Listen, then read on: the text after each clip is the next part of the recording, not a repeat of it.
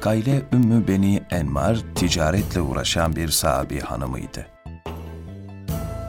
Resulullah aleyhissalatu vesselamın yaptığı umrelerden birinde Merve tepesinde olduğu sırada onun yanına yaklaştı ve zihnini kurcalayan şu soruyu sordu.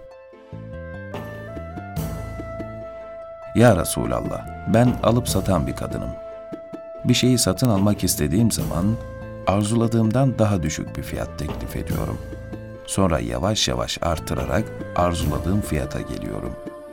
Bir şeyi satacağım zaman da önce almayı arzuladığım fiyattan daha yüksek bir fiyat teklif ediyor, sonra yavaş yavaş inerek arzuladığım fiyata geliyorum.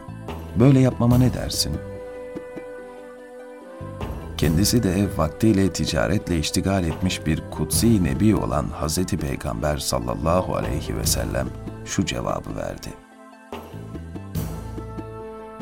Ey Kayle! Böyle yapma. Bir şey satın almak istedin mi, düşündüğün fiyatı söyle. Sana verilsin veya verilmesin. Bir malı satmak istediğin zaman da satmak istediğin fiyatı söyle. Malı versen de, vermesen de.''